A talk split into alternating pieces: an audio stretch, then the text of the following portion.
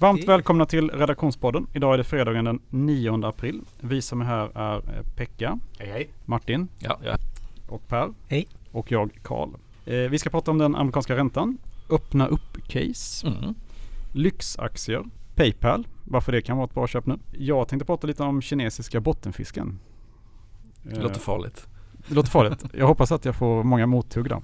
Men ja, vi kan väl börja med öppna upp-casen kanske. Ja, det kan vi göra. Eh, det finns ju egentligen hur många öppna upp case som helst i det här läget eftersom de flesta bolag kommer att tjäna på att eh, världen öppnar upp i någon form. Men jag har tittat på två av de svenska i veckan i alla fall. Eh, Assa Abloy, lås och dörr, dörröppningsjätten och New Wave, eh, profilkläder och sportklädesbolaget. Eh, och landade i att eh, den ena ska man köpa och den andra kan man faktiskt avvakta. Eh, och om vi börjar med den, man ska avvakta lite kort, kan vi städa av att eh, Assa Abloy då som eh, är ju normalt sett otroligt stabila. De har en rörelsemarginalmål eh, på 16-17% och där har de liksom legat i 10-15 år nästan. Det krävdes en pandemi för att de skulle ta sig utanför det. Eh, och även att, att omsättningen skulle backa. Det var första gången på 17-18 år förra året. Men, eh, men nu ser det ut att öppna upp och det kommer de gynnas av. Men värderingen är därefter. De ligger på ett p-tal på 28 år och 25 nästa år. Så jag tycker nog att man redan räknar in ganska mycket att det här fina bolaget är värderat som ett fint bolag redan. Så att den kan man avvakta och kanske plocka upp på en, en eventuell börsnedgång.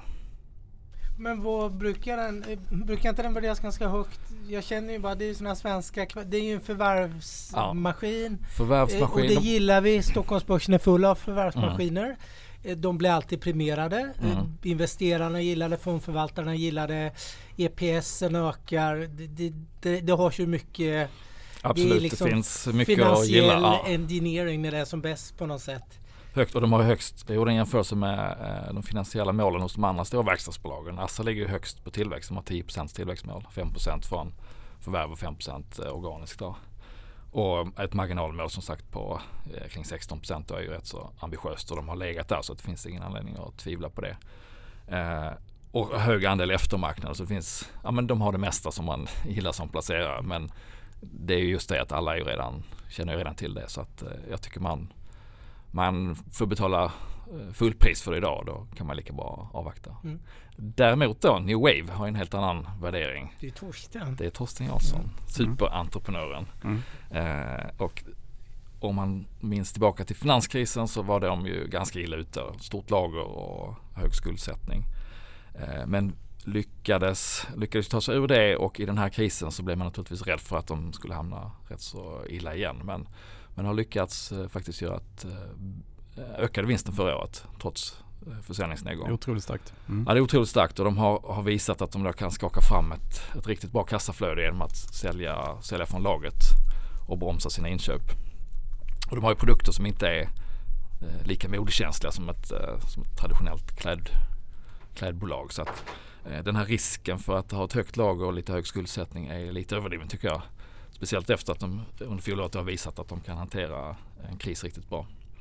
Så då ligger de på ett p-tal, nu stack den iväg lite i veckan men de har ett p-tal kanske på 11-12 år och eh, 9-10 nästa år. Och när det öppnar upp då, de har en ganska hög andel försäljning i USA.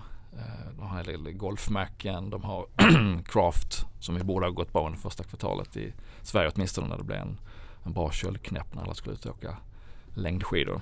Eh, så att min, eh, min förhoppning här är ju att dels så kan de få en liten resa på, på multipeln, att P-talet stiger lite och att de överraskar på vinsten. Och om båda de hakar i varandra så brukar det kunna bli ganska explosivt eh, för aktien.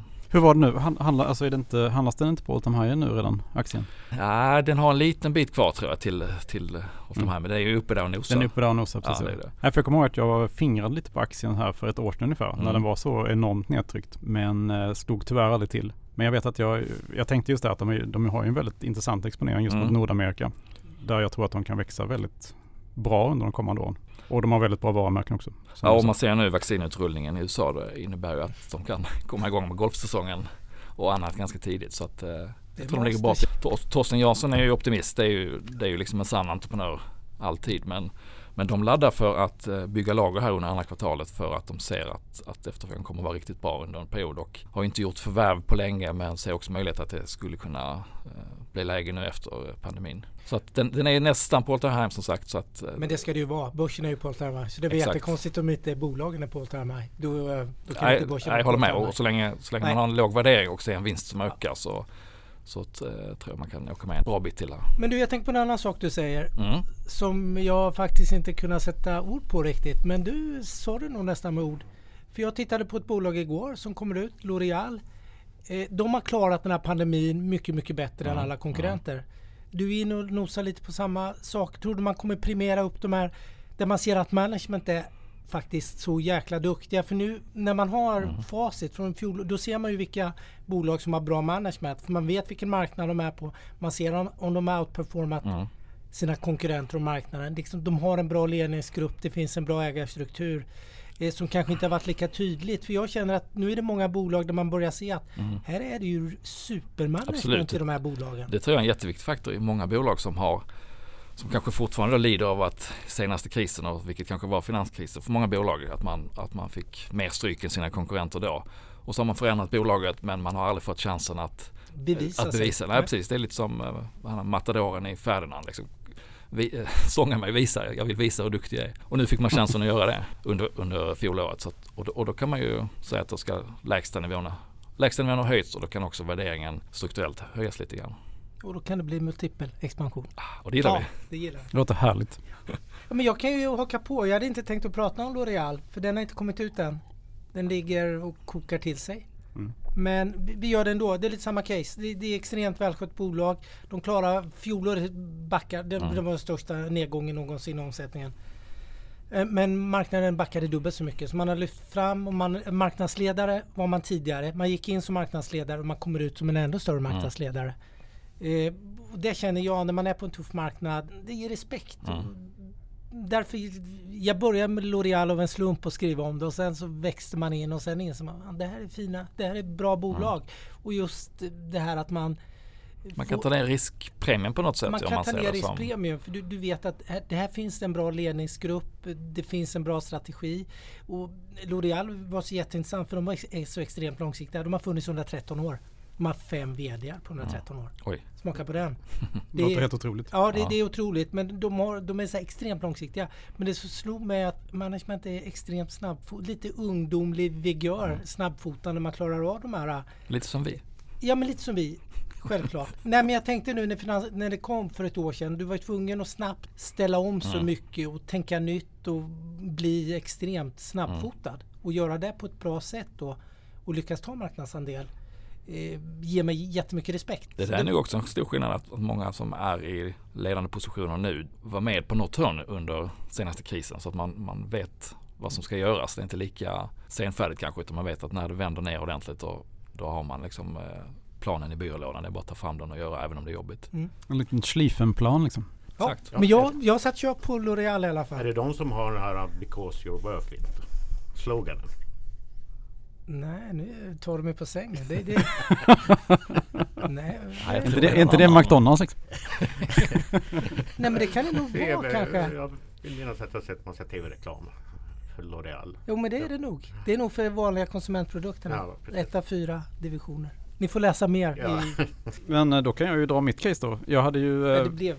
Det blev så helt enkelt. Ja. Men, eh, nej, men jag, jag kollade lite på Siemens Energy här faktiskt idag. Och eh, det har ju varit lite trögt nu för hållbarhetsaktier faktiskt. Sist eh, det här året.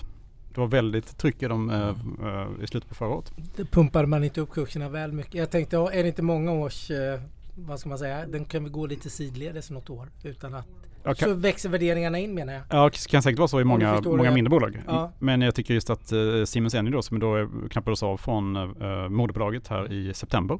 Där tycker jag det finns fortfarande mycket värde i. Men fanns det inte oljebitar eller sådana ja, de har ju, kolkraftverk? Vad jag minns när jag tittade lite det är, ungefär, det. är så att en sjättedel av den el som produceras på jorden idag är ju byggd med Siemens Energys teknik. Och en stor del av det är ju kolkraft ja, just nu. Såklart. Men eh, de har sagt nu att de levererar inte turbiner till kolkraftverk längre. De har helt slutat med det. Eh, utan det är istället, eh, det som då kommer bli det stora här är ju gas istället. Att man växlar från kol till gas. Och det är ju inte fossilfritt men det är ju betydligt mindre CO2-utsläpp än vad kol har. Så att, och det kommer förmodligen pågå under årtionden framöver. Att man växlar över från, från kol till gas. Dessutom då så är de ju ledande när det gäller vindkraftsutbyggnad. Siemens Gamesa som då är en, ett sammanslagning med ett spanskt bolag eh, där de är majoritetsägare. Och dessutom är de också ledande när det gäller vätgasproduktion.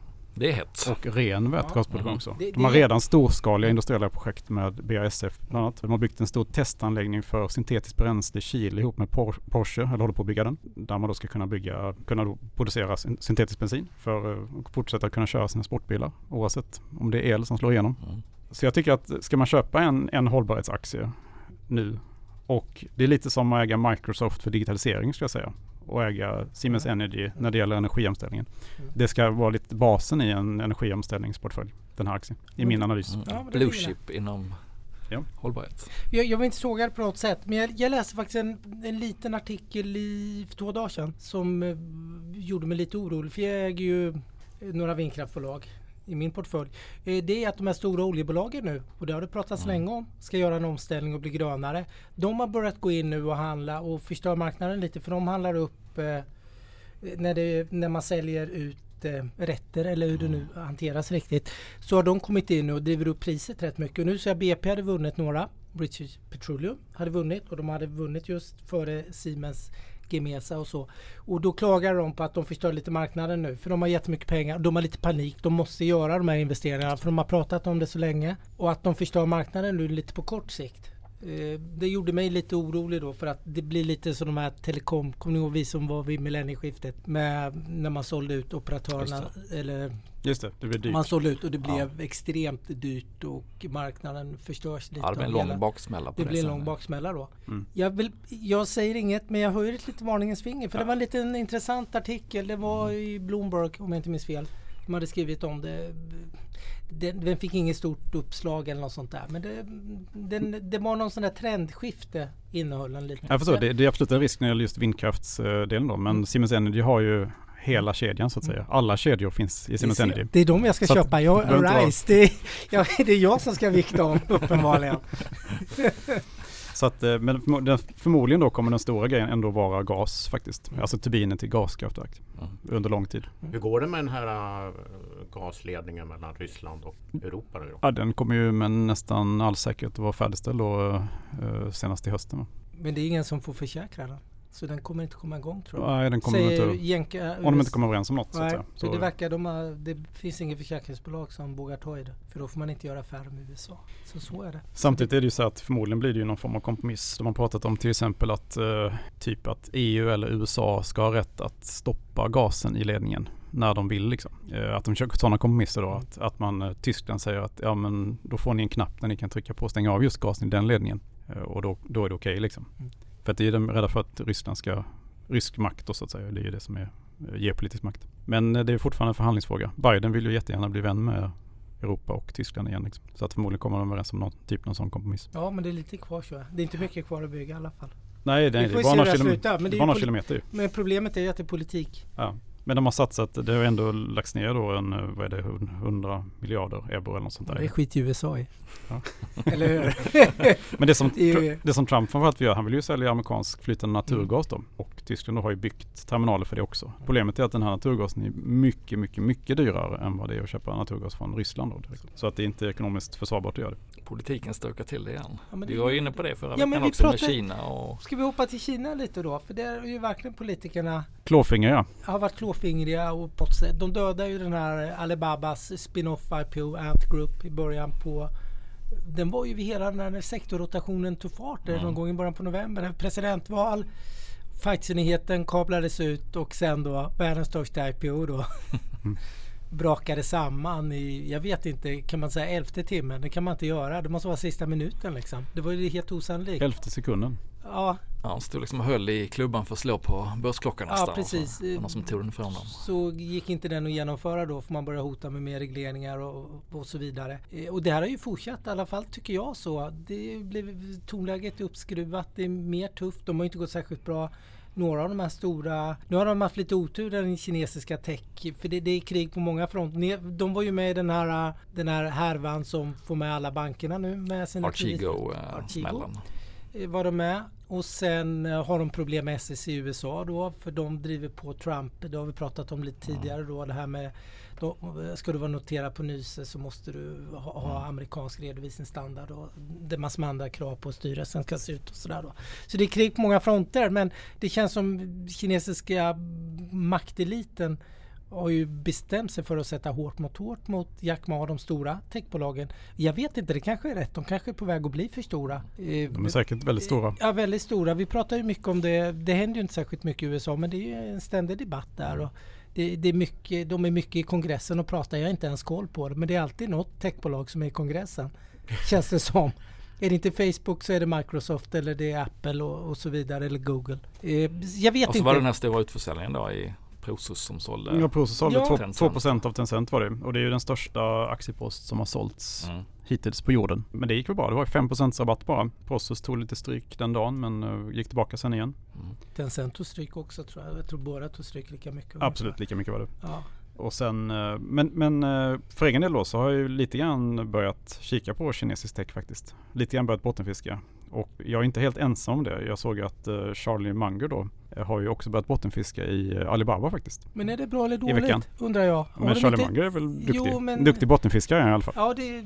Även om man har kommit lite till åren nu då. Mm. Och sen har du också den där utförsäljningen som vi pratade om eh, Eh, den här hedgefonden som fick slå igen. Mm. Jag själv bottenfiskar lite grann i Tencent Music till exempel som föll ihop. Mm. Den var ju en av de bolagen, Baidu. Tal Education som jag satt med. Det var inget roligt heller på fredagen och måndagen. Men Mango, vet, köpte han nu? För ibland är det sån eftersläpning på de här. Eh, ja, då, när det kommer så att Buffett har gjort det här och det här och sen så inser det, man att det, det var förra kvartalet ja. det hände. Nyheten kom väl i veckan. Eh, jag, jag tror att det var nu alltså. Ja. Ja. Alltså det var inga jättesummor heller utan det var ju några några hundra miljoner dollar. Då. Men det, det finns ju ytterligare ett problem med, med kinesiska aktier och det är, det är att Biden sätter hårt mot hårt.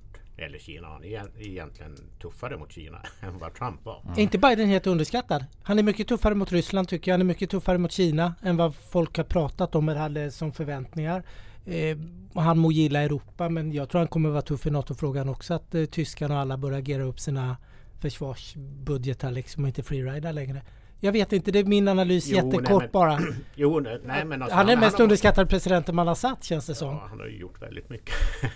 men som sagt han är ju, han är ju tuff och det, det går ju hem i, i, i, USA att vara tuff mm. mot både mot Europa och mot Kina och mot Ryssland. Mm. Så att, och det är ju ett, dessutom ett litet Trump-arv liksom att, att eh, att man måste vara det som amerikansk politiker. Så att jag tror att det kommer bli hårda eh, är det därför, förhandlingar. Är det därför SEC driver igenom det här? För det är ju Trump-direktivet egentligen som de håller på med mot kinesisk tech. Ja, som de har, ändå har valt att... Nej det har jag faktiskt inte koll på. Nej. Men, men äh, definitivt så går det hem i de amerikanska stugorna att vara tuff mot Kina. Och äh, det är väl, så det är väl ett krav.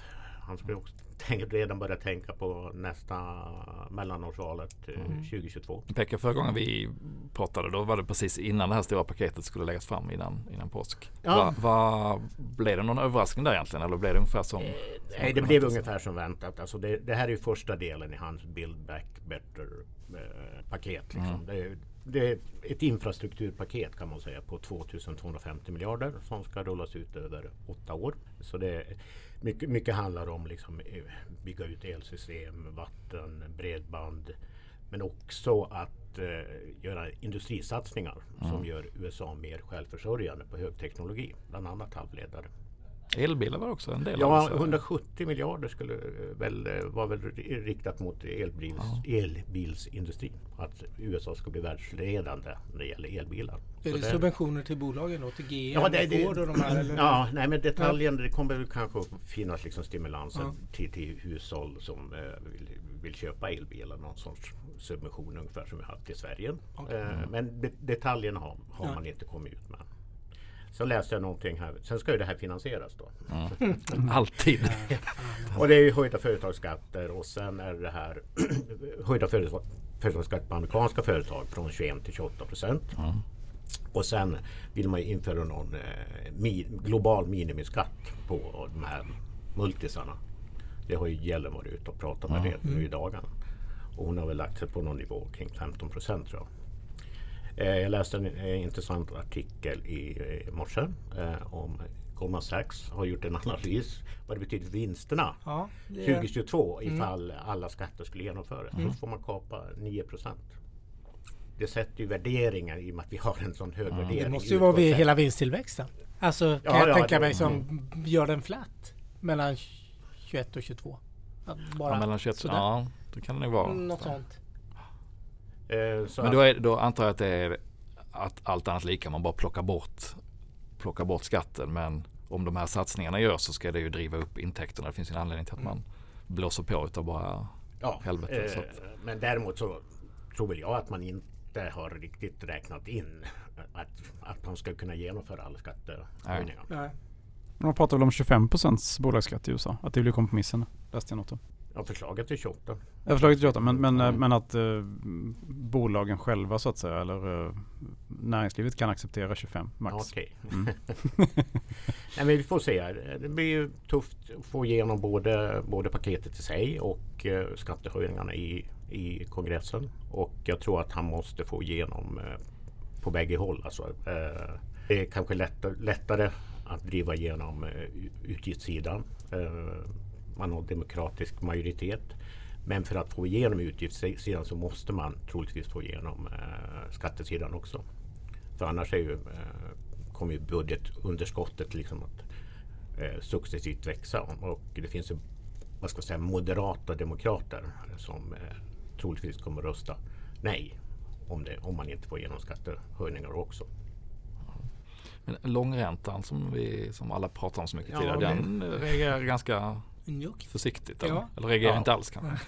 Nej, den, är, utan den, den, här uh, långräntan som jag har tjatat, eller jag har tjatat om ett antal gånger mm. i diverse poddar och skrivit mycket om. Den har ju, långränteavgången har definitivt kommit mm. av sig och uh, man kan ju säga att i det protokoll som den amerikanska centralbanken publicerade i, nu i veckan så tog ju de långränteavgången med stor ro. Uh, och lovar ju fortfarande väldigt, eh, en väldigt stimulerande penningpolitik under överskådlig tid. Så att eh, räntehotet kanske är lite över just nu. Mm.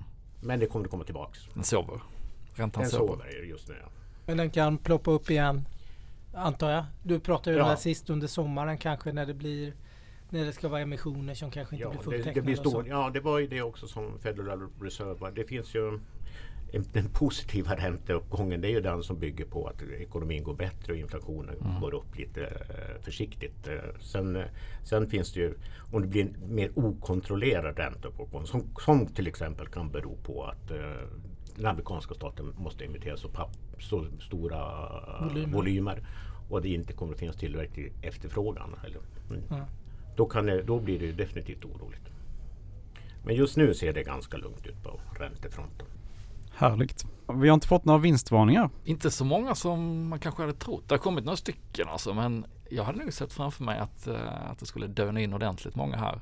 Antingen negativa då på grund av eh, komponentbrist och allt det som Volvo pratade om och halvledarbrist och uh, det har varit otroliga prisuppgångar på en hel del råvaror också. Trä, stål och annat. Och transporter Och transporter precis och Suez debaclet och allting. Men de som har kommit har ju nästan uteslutande varit positiva. Det har inte varit så många men Bay Group de hade väl kommit precis när vi satt här förra veckan mm. och sen eh, HMS Networks, Catena Media kom nu. Så lite spridda skurar så här och uh, Samsung och danska Bang Olufsen och eh, koreanska LG Electronics också. Så att, eh, omvända då positiva vinstvarningar. Så att, och i, i, på den amerikanska marknaden så har det också varit en övervikt på positiva guidningar inför eh, Q1. Så att det är, en ganska positiv eh, underton ändå inför rapporterna. Skulle jag, säga. jag hade nog trott att det skulle komma lite mer både positiva och negativa. Så att det kanske tyder på att, att eh, vinsterna kommer ligga något sånär möta förväntningarna efter ett par kvartal där det varit väldigt uh, stora avvikelser. Men det är väl bra för marknaden. Det behövs väl efter den där den starka inledningen på 2021? Ja, jag tror det. Att, att man, de bolagen, då växer de in i sina värderingar lite snabbare mm. kanske. Och eh, man får inte de här långa perioderna när de är rätt tråkiga eh, vissa, vissa papper ja, så kan det innan vara. det växer in. Så det känns väl det, jag tolkar det lite positivt. Ja det gör jag också. Liksom att... Sen så får man ju då försöka när rapporten väl kommer försöka läsa ut om, om nu inte Q, Q1-resultaten ger någon, någon som helst ny information till oss så får man ju försöka bedöma då hur bra kommer bolagen vara på att behålla de här kostnadsbesparingarna som man har lyckats göra under förra året och, och hur ser efterfrågan ut mer än bara ett, två kvartal fram. Så det blir superspännande även om, även om resultaten i sig skulle ligga nära eh, förväntningarna. Men hur har ni positionerat er då den här veckan? Jag har gjort, inte gjort mycket men jag har gjort eh, två affärer. Har du sålt av igen som du har gjort tidigare veckor? Eller? Nej, jag har minskat lite i Kindred, mm. speloperatören. Det är fortfarande ett av mina större innehav så att jag har tagit ner lite efter en väldigt stark eh, vår här. Eh, och så har jag köpt AstraZeneca eh, på temat som vi pratade om för några poddar sedan. Mm. Att de får ganska mycket stryk på grund av vaccinproblemen. Men det är, vaccin är ju egentligen inte deras eh, stora grej. Utan, nej, det är ju inte det. Utan, den så kallade gubbaktie eller? Eh, det kan man väl säga att det är va? Mm. Jo men det är det. alltså alla jag känner som äger den rejält. Gamla gubbar okay. som kramar ja, men Härligt att få vara med i i 20 år. Ja. Plus gärna. Nej men de, de är ju i förhållande, de har, har en bra eh, vinst tillväxt ser det ut som om man tittar på analytikernas prognoser samtidigt som värderingen är ganska låg. Så att ett, i det här PEG, om man tittar på PEG-talet, alltså P-talet i förhållande till vinsten, så kommer de in väldigt lågt, en bra bit under ett. Så att de ser otroligt billiga ut och eh, de får mycket stryk av vaccin. Jag tänkte det, det var väldigt mycket badwill för att de har tagit fram ett vaccin som mm. ändå funkar då. Fast som de egentligen gjorde för att ja, vi kan, vi kan hjälpa till. Vi ser mm. att vi kan hjälpa ja. till men de tjänar inga stora pengar på det. Och eh, alltså så att en annan gubbe då, Sven-Olof Johansson, hade gått in tungt med 250 miljoner tror jag det var. Ser, du tar reg på... Mm. Jag gick in med lite mindre. Kan jag säga. Mm. Gubbtrades. En gubbtrade. ja men det där blir spännande att se. Mm. Jag har gjort en cyklisk trade då. Om du har gjort en defensiv, eh, helt ocyklisk Precis, det är också en fördel med Astra. Om det, skulle, om det skulle bli lite svalare på mm. riskaptiten så mm. är det ju en bra kudde. Jag har insett att jag, jag har liksom inga cykliska bolag förutom mina lyxbolag. Som alla bolag är ju cykliska. Det är klart att det påverkas av konjunkturen, eller hur Pekka? Det ja, finns inget, inget bolag är ocykliskt som Pekka alltid brukar säga till mig. Men det finns ju bolag som är mer cykliska. Du pratar ju lite om Volvo ibland och de här som kanske är ultracykliska. Men liksom de tjänar enorma pengar när konjunkturen är på topp och sen kan det ju till och med vara bara gapa i kassan. Dra inte ut på det nu, berätta vad du har köpt. Jag har köpt Traton. Aha. Du pratar om Traton. Du har ju köpt Traton för ett år sedan. Jag köpte för ett år sedan ja. ja. Mm. Jag tänkte ja. att den följer så mycket när det var coronaviruset kom. Ja, men jag, allt, jag, jag, passade på att köpa ja, lite. Du passade på, men allt följer då. Jag köpte massor med annat då. Mm. Då var den ganska nyintroducerad Ja, jag kommer ihåg det. Men jag köpte nu. Dels det kom ju nyheter nu. MAN har ju varit lite problembarn. Där ska mm. man ju nu ta tag i det under året. Och jag tror ju på det amerikanska förvärvet nu. Mm. Med, med, med det Pekka pratar om, det, eh, den här stora Biden-paketet och infrastruktursatsningar. Elektrifieringen av lastbilar också? Ja, elektrifieringen. Det lyssnade jag på igår. Det var jätteintressant mm. att det är ganska lätt att göra i, i alla fall de här som rullar i stan. Stadsbilar, för, ja, för de kan ha så små batterier. För de tankar man, man laddar mm. batterierna väldigt ofta istället. Så mm. då får man ner kostnaden jättemycket om man kommer på något. Att man gör minimal, så litet batteri mm. som man kan göra. Liksom, så får man ha mycket tankstationer istället. Då. Mm. Och då skulle de vara lika billiga redan idag som en fossil. Så det finns, händer jättemycket. Vi och ganska se. lågt värderad. Jag tror också de Den är jättelågt värderad. Jämfört med Volvo då som vi pratade om mm. så är det väl ett gap som heter duga. Mm. Vi får se. Jag är sent in och förstått att jag måste ha lite cykliskt i portföljen också. Jag ska bara lyfta ett annat bolag som har haft i portföljen ganska länge. Det är Paypal. Eh, och det är lite på krypto, kryptomaniac eh, eller vad man ska säga. Coinbase. Coinbase nu. Kommer ju om nästa vecka. Kommer ut nästa vecka. Kryptovalutorna, de är väl upp över 100% i år någonting. Kan det stämma? Bitcoin kan det vara ja. Ja, jag tror att det är det. 107 så är någon siffra. Så upp 700% på ett år i alla fall. Så. Ja men det är 107 tror jag i år mm. då. Eller det var för någon dag när jag läste. De eh, har ju sedan i oktober så har man sagt att man eh, kan ha kryptovalutor som en betalningsservice och så. Och marknaden har tyckt att det var spännande men man har inte räknat så mycket. De har gjort ett förvärv också, Curve. Så nu finns det, börjar det komma analyser på att redan 2022, och det är nästa år, då kan de här kryptovaluttjänsten då generera kanske intäkter på en miljard dollar. Lyfta ytterligare mm. omsättning då. Jag tror att det är lite underskattat. Vi får se. Du tror på Paypal med andra ord? Eh, ja men det tror jag. Det är alltså, de växer ju med 20% om året. Och det vad är det? Du dubblar verksamheten på fyra år lite drygt. Det tycker jag är aptitligt. Men de har tagit mycket stryk. De, har ju, de är ner 30% nu i den här sektorrotationen sen amerikanska långräntan började stiga. Men det är ju lite comeback för tech här sista veckorna. Ja, sista, kanske beror på att långräntan har stannat ja. av. Mm. Alla de här stora Microsoft och mm. Apple har Mm. Tuffa ja, jag, på med någon jag tror absolut man ska botten, eller vi gjorde rätt som bottenfiskare Mm. eller fortsätta bottenfiska i tech. Så Ja, att, du har eh, väl bottenfiskat mer i tech? Jag fortsätter att bottenfiska hela tiden. Eh, jag köpte lite Coupa Software här. Jag fyller på. Sen köpte jag faktiskt ett ganska nyintroducerat eh, techbolag inom försäkringar. Mm. Som där Alphabet är största ägare. Mm. Oscar Health. V- Vad är det för någon Ja, det, är en det är en försäkringsplattform då, Aha. en digital plattform. Som introducerades här för någon, någon månad sedan. Som har fallit liksom 30-40%. Så jag plockade in den. Sen plockade jag in American Well som då är eh, tele, telehealth, telehälsa. Eh, som när vaccinet kom så har den gått ner 60-70% också. Mm. Men telehälsa kommer ju ändå vara ganska stort framöver. Jag menar det är ju supereffektivt att träffa sin läkare på, eh, i mobilen. Liksom. Mm. I, för de flesta fall och när du bara ska uppdatera ett recept eller någonting. Så, så klart att man kommer använda det. Så att den plockar in. Sen eh, har jag ökat i eh, Foto som är en, eh, apropå tar in kinesisk tech. Mm. Det är ju då en handelsplattform som kommer att växa kraftigt här. Hongkongbaserad för trading. Är det noterat i USA? Noterade i, Hong, jag noterade i USA precis Ja, det nu. mm. Precis. Såklart. Eh, såklart.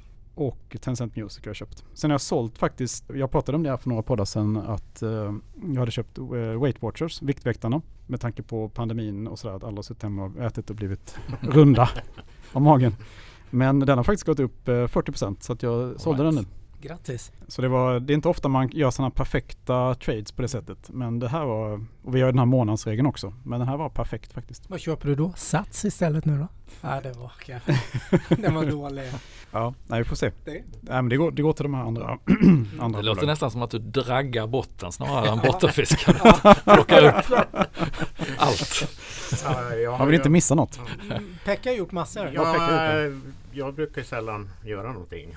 Men nu har jag faktiskt gjort. Men du hade ju sålt massa Sverige Jag har sålt en massa Sverige. Ja. Jag har sålt Kindred, Balder och Doro. Eh, Kindred kanske var ett misstag. Men eh, Kindred har ju gått jättebra. Mm. Och eh, så eh, kanske inte finns så mycket lyftkraft kvar. Trots allt. Eh, Balder har väl eh, tappat fart, eh, den efter, efter raset i fjol. Men nu har den väl inte rosat marknaden precis. Och Doro, det hände ju inte så mycket. Jag har ju ägt den så väldigt länge. Eh, och nu gick den, hamnade den äntligen på plus efter att ha ägt den i fem år. Så. Då passade jag på att göra mig av med den. Men, men som sagt det var väldigt mycket handlar om att jag har varit väldigt överviktad i Sverige. Eh, jag kikar väl eh, på Europa i nu. Får väl se. Jag har ju inte handlat än. Men Det är där du ser mest värde eller? Ja, jag tror det. Mm. Eh, visst, IMF hade ju en ganska bister prognos på, på Europa eller EMU-området kontra USA. Men eh, jag tror att det kan komma positiva överraskningar. Och förhoppningsvis så kommer smittspridningen ner och vaccinationerna förhoppningsvis tar bättre fart. Eh, så att eh, det kommer att bli någonting i Europa. Jag har köpt Varta. Det är ju mitt nyaste innehav. Batteritillverkaren. Ja, Mikrobatteri. eh, jag tänkte att ledaren. det, passar min personlighet lite, lite Laddad. osexigt Ja, bolag. Passar att du känner dig laddad. Nej men alltså jag tror inte riktigt Full av energi liksom. Ja precis. Ja, men alltså det, eh, det känns som en tryggare än att spekulera i de här eh, front-end batteribolagen som ja, det känns som att det här är ett väldigt gammalt och tryggt bolag. Jag tror att de kommer att ha en stabil De uppför väl i princip batteriet. Ja, de, är- jag kommer, de, de är väl över 100 år gamla. 1890-talet grundades någon gång. Mm. Så det hoppas jag på. Men det är också det är ett ganska långsiktigt eh, bett. Som alltid när jag köper aktier. Vad, vad letar du efter för lite annat i Europa? Vad, vad kan du tänka dig liksom? Jag, eh, Siemens Energy kanske? Ja, Siemens Energy eh, har jag blivit väldigt nyfiken på. Eh, så det får vi väl prata om då. Efter det här då. New Wave är ett annat bolag om vi tittar på de som ni har skrivit om. Som eh, också, det är ju då i och för sig svenskt men med en fin USA-exponering. Och sen eh, är det väl kanske att jag kommer att eh, köpa lite fonder när det gäller till exempel Storbritannien. Som jag tror på och eh, någonting i ja, södra Europa. Då. Italien, Grekland eller Spanien. vi får se vägen lite mellan vilken region man ska satsa på eller om man ska satsa på allihopa. UK ska ju öppna upp. Det är väl på måndag 12. Då ska ju eh, Johnson gå ut och ta en bärs har han sagt. Ja. Kanske, kanske det vänder. Och de ligger två månader före eh, resten av Europa när det gäller vaccin. Mm. Ja, få ut vaccin. Och då är det ändå ett vaccin som bara har funnits i fyra månader. Mm. Otroligt. Ja, det ska bli intressant att se i UK hur, hur om folk strömmar ut eller mm. om man är lite reserverad eller hur beteendet blir. När öppnar de upp till fotboll och sånt? Vet ni det? Har de pratat något om Premier League och sånt? Nej, det tror jag inte något bestämt. För du pratade om Texas, visst gjorde du det? Ja. Att Texas har man börjat öppna upp för publik till sportevenemang om jag inte missminner mig. Ja, det, det är, som jag såg det var att man öppnade för basebollaget där. Man mm. Det var väl 40 000 på första matchen. Och i Storbritannien har de ju öppnat en del mm. fotbollsmatcher för mm. lite mindre publik. Och så. De körde i höstas så hade de ju börjat släppa på en del publik. Sen fick de ju backa lite på det. Men det visar ju att de, när det väl är dags så kommer de vara ganska snabba på att släppa på förmodligen. Så att eh, pubkedjorna och ölförsäljarna i Storbritannien borde ju gnugga händerna nu. Mm. Vilken eh, produktplaceringsmöjlighet man får Johnson och man ska inte köpa en bryggeri? Brittiska bryggerier borde, men de kanske är uppköpta. Guinness. Ja. ja det, är, det, är, det är irländskt. Mm. Nu lurar du mig nästan. men Carlsberg är stora i Storbritannien och ja. Kopparbergs, Kopparbergs ja. fast det är mest och cider som de är tunga. Heineken, och Heineken och, alltså, de är stora överallt. Mm. Jag vill att du skriver lite om bryggerier nu mm. när världen öppnar upp igen. Karl? Mm, jag har skrivit den många gånger. Ja, men det, nu är det väl bra, bra ja. timing Om någonsin kan jag tänka mig. Kan ju ta dem och eh, lite sådana här uh, Kan jag ta alla möjliga dryckesaktier kanske. Mm. Mm. Det borde vara för whisky. Mm. Jag besökte Mackmyra förresten nu i helgen. Mm. Men eh, jag kunde bara besöka, kolla på fabriken utomhus då. Så att de du titta in, in i Då tittade in, ja precis. för att det är stängt allting. Så att de, de får inte lov att ha några provningar och sådär. Men eh, sånt kommer ju igång igen också förr eller senare. Mm. mm. Så att de kan börja tjäna pengar igen på sånt också. Det finns hopp. Mm. Ja, det finns hopp. Trevlig helg till alla som har lyssnat ja. tycker jag vi kan säga. Trevlig, trevlig helg. helg. Ja. Trevlig helg. Tack. Hej. Hej.